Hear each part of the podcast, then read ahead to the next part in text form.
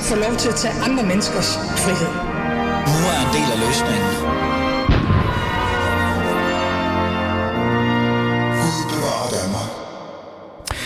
Ja, som altid. Gud bevarer Danmark. Øh, Øh, du lytter til Alis øh, Faderland, og mit navn er Ali Aminali, og i dag har vi årsdagen for Ruslands, eller i morgen har vi faktisk årsdagen for Ruslands invasion af Ukraine. Øhm, sidenhen den her, hvad kan vi sige, invasion af Putin og, Ukra- og øh, Rusland, har vi oplevet forenet Europa i kampen mod Putin og netop Rusland. Men samtidig er vi på en eller anden måde også fundet fælles fodslag og støtter Ukraine i deres kamp for frihed med krudt, kanoner og pengesummer, som I måske øh, burde blive brugt på vores egen her. Fordi sagen er jo, at nu er der jo gået et år på den her, altså eller snart årsdagen, øh, og, øh, og alt er jo som det altså, nu skal være på den måde. Men hvad med vores eget her? Hvad med vores eget forsvar? Hvordan har den egentlig det? I dagens første halve time af Alice Vederland vil jeg i hvert fald forsøge at finde ud af, hvordan står vi egentlig øh, i kampen mod Rusland, men hvordan har vores eget forsvar det egentlig?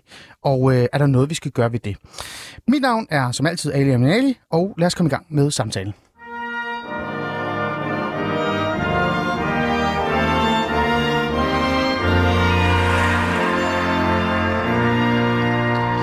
Sådan. Så virker det hele, og teknikken er, er på plads. Vi skal jo sige pænt goddag til personen, som kommer til at hjælpe mig med at forstå, hvad der er op og ned i det hele overhovedet. Uh, Michael Hesselholt Klemmensen, tak fordi du vil være med i dag. Tak. Du er pensioneret brigadegeneral, eller stadig faktisk aktiv brigadegeneral, fordi du fortalte mig lige, at øh, hvis dronningen, jeg ved ikke om hun ringer eller sender brev, så, men så skal, du i, så skal du i gang. Er det ikke rigtigt? Ja, teoretisk, fordi man, øh, det, er, det er jo ikke, det er jo ikke en, en stilling. Jeg har mange stillinger, men, men øh, en grad, det, bliver man, det har man indtil man kreperer, ikke? Øh, Okay. Med ambassadør eller, eller officer, så har man den, man, man får, og så bliver man pensioneret som den i ære og med pension, og så kan man øh, blive trukket ind igen teoretisk, men det tror jeg ikke sker. Okay, det tror du ikke sker. Men, øh, men altså, man ved jo aldrig, ikke? Øh, vi lever jo i mærkelige tider. Øh, men så er du også militærhistoriker øh, øh, oven i det også, og har skrevet en masse analyser øh, omkring øh, alt øh, i forhold til, øh, jamen, hvad kan vi sige, øh, forsvar og, og, og så videre og så videre. Øh, jeg har jo inviteret dig i studiet, fordi jeg både gerne vil, øh, hvor jeg, selvom jeg sagde, som, som jeg sagde i introen, have lidt fokus på, hvad der sker øh, her på øh, etårsdagen, som kommer i morgen, i forhold til invasionen af Ukraine. Men jeg vil også gerne øh, høre dit, øh, hvad kan vi sige, din analyse eller dine tanker omkring, hvordan det går med herren herhjemme. Vi skal jo starte et sted, og vi bliver nødt til på en eller anden måde at starte øh, i forhold til det, der har sat det hele i gang. Det var jo den her, øh, den her krig. Øhm, hvis vi skal være sådan lidt frække, hvor står vi egentlig henne lige nu? Altså, hvem har det bedste kort på hånden, nu der er gået øh, næsten et år? Ja, det er en, en situation, der er i balance. Det, er- det er en fastlåst situation, hvor, øh, hvor begge parter prøver at mobilisere de ressourcer, som de har til rådighed, og for Ukraines vedkommende, der er det vestens samlede ressourcer, og øh, for Ruslands side, der er det, det enorme landsressourcer, som de er overbevist om er tilstrækkelige på grund af det er deres historiske erfaring, at hvis på grund af Rusland er så simpelthen enormt, mm. så vil det være i stand til at, at vinde i sidste ende. Hmm. Så det, det er også noget med øh, altså, direkte antal soldater og antal øh, våben, eller hvad? Altså selve det der med antallet, hvor mange Rusland kan, øh, altså, har, er klar til at miste for at vinde en krig. Han, han, han er Ja, også om det? Rusland er klar til at miste alle dem, der er nødvendigt. Mm. Mennesker betyder intet. Det er øh, øh, for, for Rusland, det, det er der en af deres fordele i forhold til Ukraine, men i virkeligheden er det Ruslands fremtid, mm. der er også stillet på spil, ikke? på grund af, dels er der masser af de, af de bedste, der har forladt landet, og dels at taber de enormt, men så sørger de jo for i, i en vis udstrækning, at det er folk ud fra landet, fra de fjerne distrikter, mm. øh, i, i uh, Dagestan eller Buratien, mm. altså hvor de faste landdistrikter, fattige landdistrikter, snarere end folk i, i de store byer, mm. som man ikke indkalder, fordi det vil give problemer med opinionen. Hmm. Så der er, også, der er reelt set også generationer, der går tabt lige nu på baggrund af en krig, som øh, Ja, og som det er samtidig med, at den demografiske udvikling, altså antallet af børn, mm. der kommer i Rusland, er, er nedgående også på grund af at uh, alle mulige andre ting, mm. uh, som i andre uh, udviklet samfund. Ikke?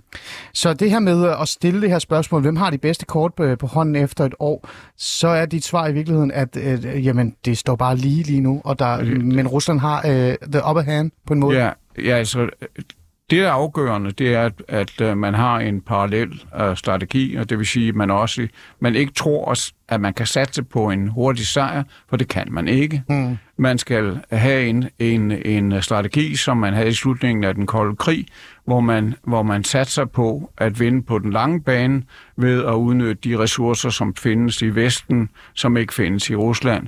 Mm. Og det vil sige innovation, teknisk innovation og øh, økonomisk råstyrke. Øh, det bliver man nødt til at satse på, ligesom øh, præsident Reagan gjorde i, i 1980'erne. Ah. Øh, og og øh, det, er en, det er den eneste måde, hvor det bliver indlysende for, for Rusland, at der ikke, nogen let, ikke er nogen let vej frem. Hmm.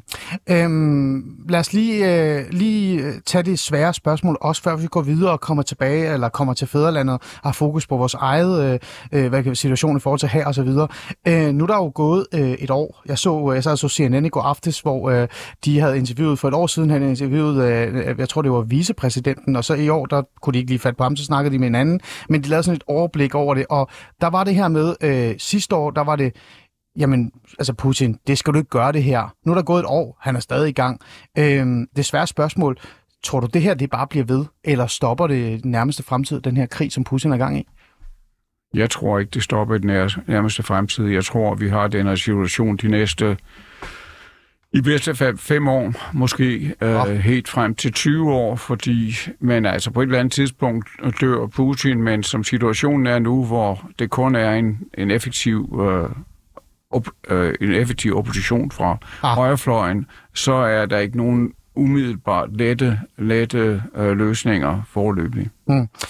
Jeg vil jo gerne øh, et eller andet sted også tale om Ukraine, men jeg synes faktisk, det der er allervigtigst, det var at finde ud af, hvor står vi egentlig henne generelt, og hvad til, øh, hvor står Rusland i den her krig? For det, det tror jeg nogle gange, eller det føler jeg nogle gange, man glemmer. Det synes jeg var godt, vi lige fik med.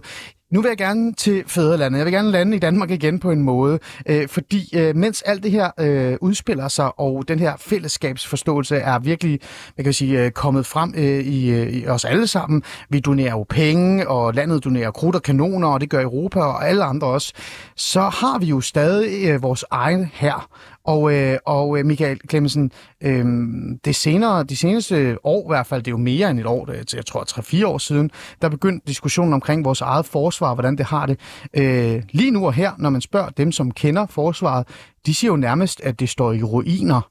Øh, det er jo en speciel situation, fordi vi forsvarer os på en måde ved at give ting til Ukraine. Samtidig skal vi have styr på vores eget forsvar. Øh, hvor, hvor, hvor galt står det egentlig til øh, i forhold til øh, altså din, øh, din analyse af vores egen her?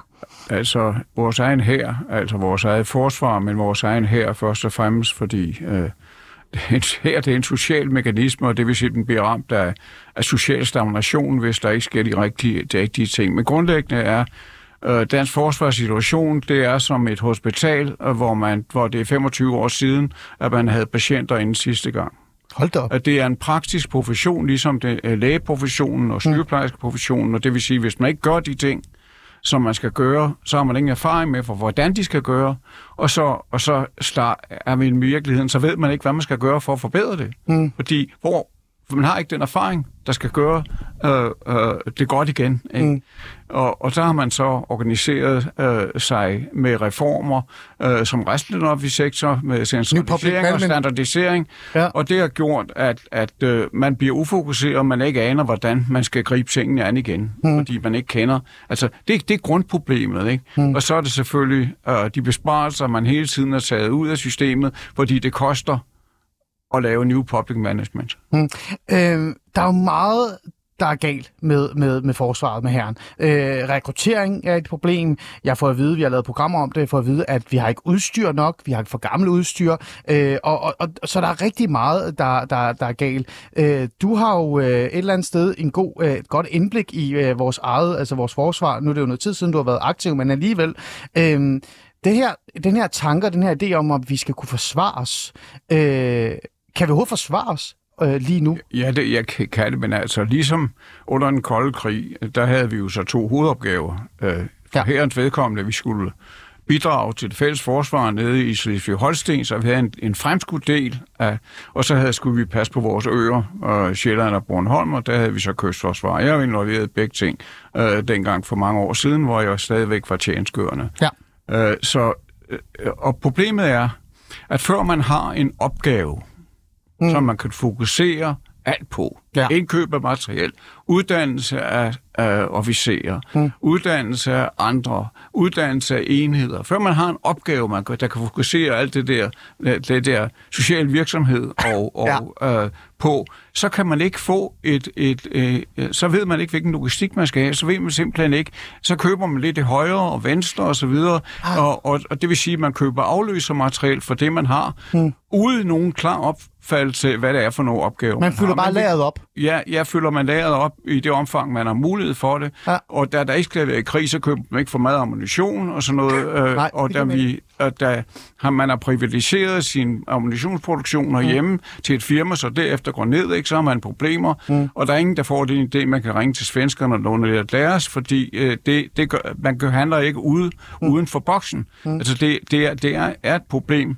Men altså, grundpro- grundspørgsmålet er, hvis man har en opgave, mm. så kan man sige til en mand, du skal rette hæren eller forsvaret ind mod de opgaver. Og Ja. der er så tre umiddelbare opgaver, fordi heldigvis er der jo sket det siden den kolde krig, at Danmark ligger længere mod vest i forhold til uh, konfrontationslinjen. Ikke? Ja. Så der er tre grundopgaver. Det er at, at, at øh, støtte den her baseområde, som Danmark er blevet til. Mm. Og så har vi en lille ø, der hedder Bornholm, der ligger lidt ubekvemt i forhold til, uh, til, til uh, opgaven fremskudt i Baltikum. Ja. Og det det er så en bidrag til Baltikums forsvar på samme måde, som uh, vi tidligere bidrog til det fælles forsvar i af den jyske halvø. Mm. Det er de tre ting, der mm. kommer ud, plus Arktis og, og, og andre ting, og ting, der knytter sig til luftforsvaret og Ja. missilforsvaret og sådan nogle. Men, men øh, missilforsvaret kan herren jo ikke gøre noget ved, om jeg så må sige. Nej, nej. Så, så derfor der find, men altså, grundlæggende skal du have en opgave, mm. og derefter skal du genlære praktikken. Mm. Altså, før du laver realistiske øvelser med de stumper, du har, Ja. så kan du ikke lære din, din praktik igen. Det er som håndværker, der simpelthen aldrig nogensinde har haft en hammer i hånden, ikke, hvis det nu er... Men, men Michael, det er, jo, det er jo i virkeligheden skidt, fordi jeg har jo fået den her, jeg tror mange danskere har fået den her følelse, eller den her idé om, at nu taler vi om, at vi skal, øh, altså, vi skal booste vores forsvar, vores her, vi skal 2% øh, skal vi give øh, til det, vi skal købe ind, vi skal forbedre det osv. osv. Så vi har jo en idé om, os øh, danskere tror jeg, at lige om lidt, eller lige om snart, jamen så har vi det, vi skal bruge, og så er alt på plads. Men det, du siger til mig, det er, at vi har reelt set et forsvar, som øh, er, er bagud, fordi de har, de har glemt, hvordan de udfører det arbejde, de skal udføre. De har ikke øh, de rigtige, hvad skal vi sige, værktøjer på plads, fordi de netop ikke har haft en, en reel opgave, de kan forholde sig til. Og nu står der en opgave foran sig, og så ved de ikke rigtigt, hvad de skal gøre øh, ved det. Jeg vil sige, at man har den misforståelse, at bygge en her, det er som at bygge et hus.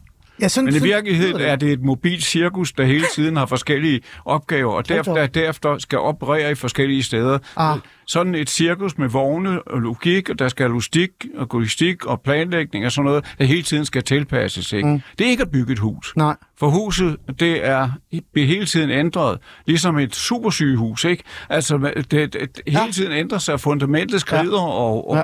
og derfor kan man altså ikke klare det på den måde. Vi er nødt til, det koster penge, mm. og det koster fokus, og det koster, at man også åbner døren ud til at lære af udlandet, fordi når man ikke har erfaringen selv, mm. så vil det være en god idé, at man øh, spurgte ud i byen de venner, mm. der har bevaret erfaringen. Ikke? Ja. Ligesom dengang flyvevåbne var ved at tabe alle deres flyvemaskiner i 1900 og midten af 50'erne. Mm. Det var et problem, men så fik man en, en faktisk en pensioneret engelsk flyvergeneral, som de facto flyvevåbenchef, der kunne lære os, hvordan man undgik at tabe fly hele tiden. Mm. Og det var fordi, man ikke havde den grundlæggende erfaring. Det havde britterne, derfor hjalp de os. Og nu har vi ikke længere den grundlæggende erfaring. Og hvordan gør man det? Jo, man går ud i byen og lærer. Mm. Det er jo interessant øh, analyse, du kommer med her. Det skal vi lige, øh, det følger vi lige op på i de her. Vi kommer til at lave en lille serie omkring det her med forsvaret. Hvad nu? Øh, men jeg bliver jo lidt nysgerrig øh, i forhold til øh, selve ideen eller tanken omkring forsvaret også. Fordi jeg kunne stille en masse spørgsmål omkring øh, kan vi så forsvare vores egne bygninger? Kan vi forsvare vores land overhovedet og sådan nogle ting? Og jeg har en idé om, at vi ikke engang kan forsvare vores... Øh, altså, jeg har en idé om, at forsvaret ikke engang kan forsvare deres bygninger. Men, men den her tanke omkring, burde vi egentlig forsvare os? Fordi jeg hører jo mere og mere, Michael, at øh, Ukraine er fronten. Hvis vi stopper Putin, eller hvis vi lægger alt i vores kurv, øh, i Ukrainekurven, sender alt, hvad vi har afsted derhen, så er det den bedste måde at forsvare os, fordi vi kan som et lille land alligevel ikke forsvare os. Øh, er det på tide måske også at genoverveje, om vi burde have mere på lageret, om vi burde have en, en dygtig og velfungerende her.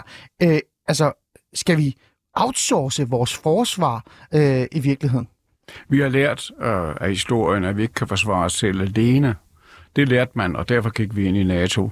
Men grundlæggende har øh, vores nordiske venner, finnerne, de har en 1200 km front.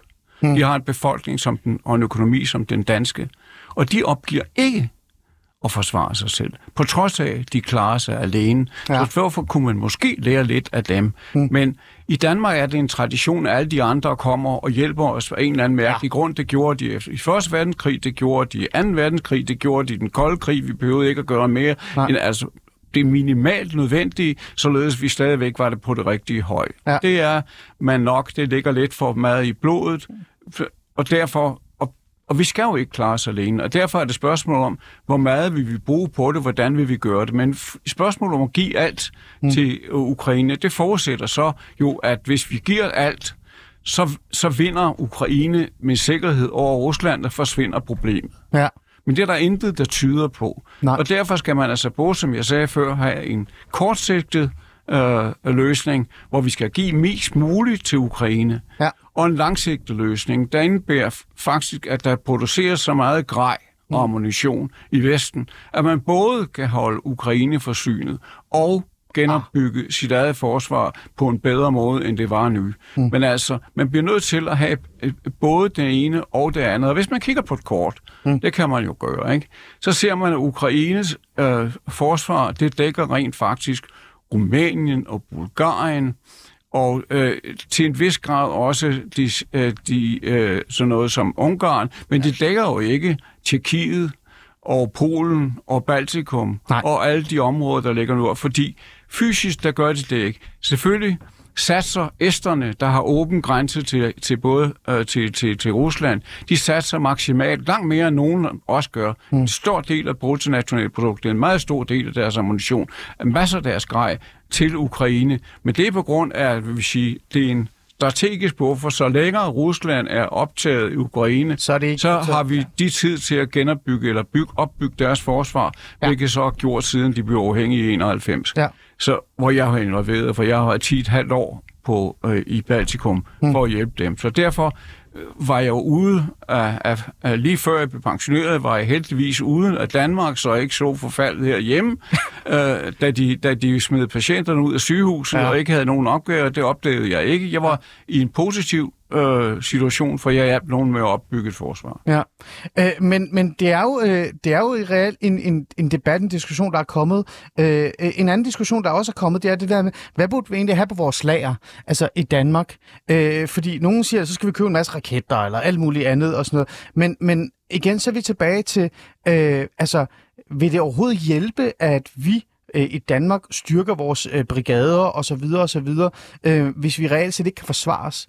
Øh, Jamen, er dit altså... svar stadig det der med, at vi, vi skal have et forsvar øh, i fædrelandet, og så, øh, så, og så hjælpe andre? Ja, jamen altså spørgsmålet er, vi, vi er en del af et fællesskab.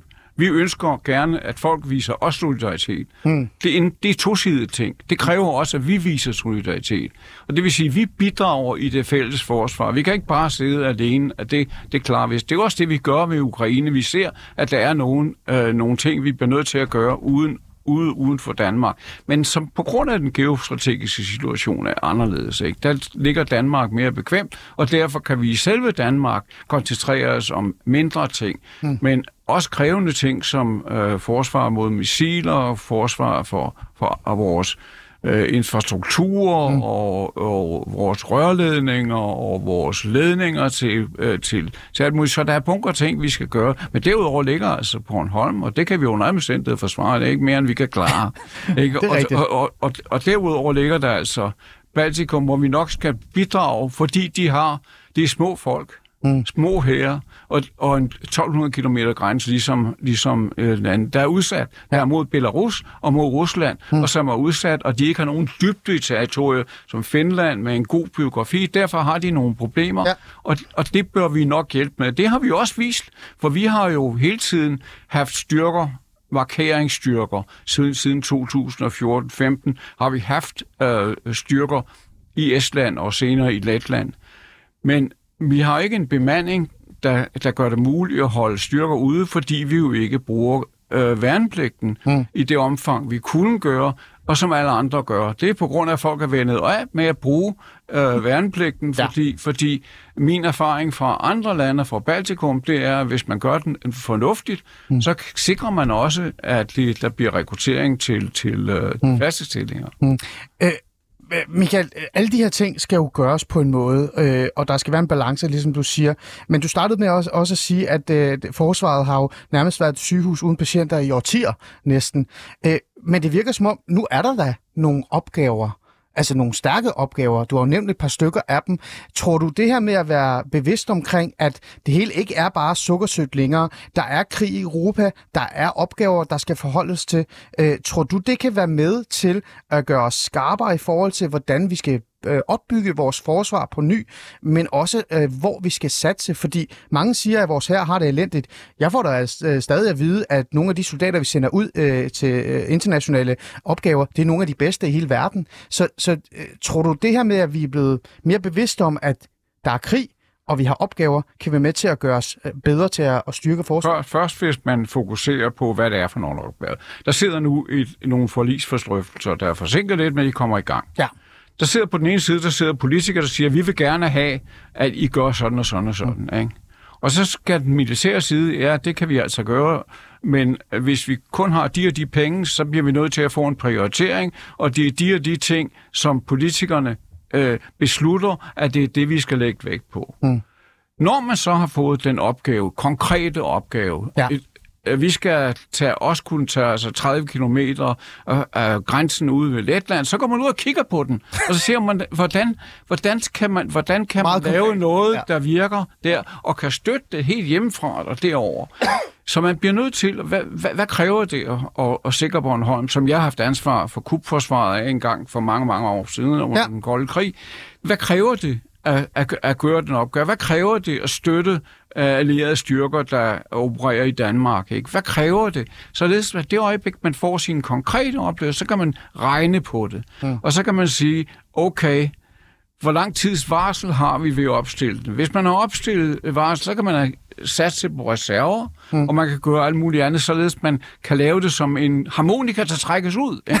Ja, så, så øh, jeg vil ønske, at jeg havde tre timer mere med dig, Michael, men, men det her med, at hvis vi reelt set går konkret til opgaven, kigger på, grø- på ikke grøn, men generelt også Grønland måske og Bornholm og sådan noget, så kan vi måske få en mere sundt her. Er det, er det din konklusion her til sidst i forhold til Det kan vi, men det, det er hårdt arbejde. Mm. Altså, fordi man skal gøre alle de ting, man ikke har lavet i mange år. Således herunder realistiske øvelser for at bygge effektiviteten, altså erfaringen op. Når man har et, et system, der er praktisk orienteret, mm. så bliver man nødt til at få erfaring. Mm. Og det har vi ikke haft i lang tid. Michael Halsvold Klemmensen, tusind tak, fordi du vil komme og tale med mig. Øh, Prøv at jeg kunne tale med dig flere timer, så vi, vi, vi skal have i gang. Men, øh, men tak, fordi du vil komme. Du er pensioneret brigadegeneral og militærhistoriker. En fornøjelse at have dig i studiet. Tak for det. Tak for det.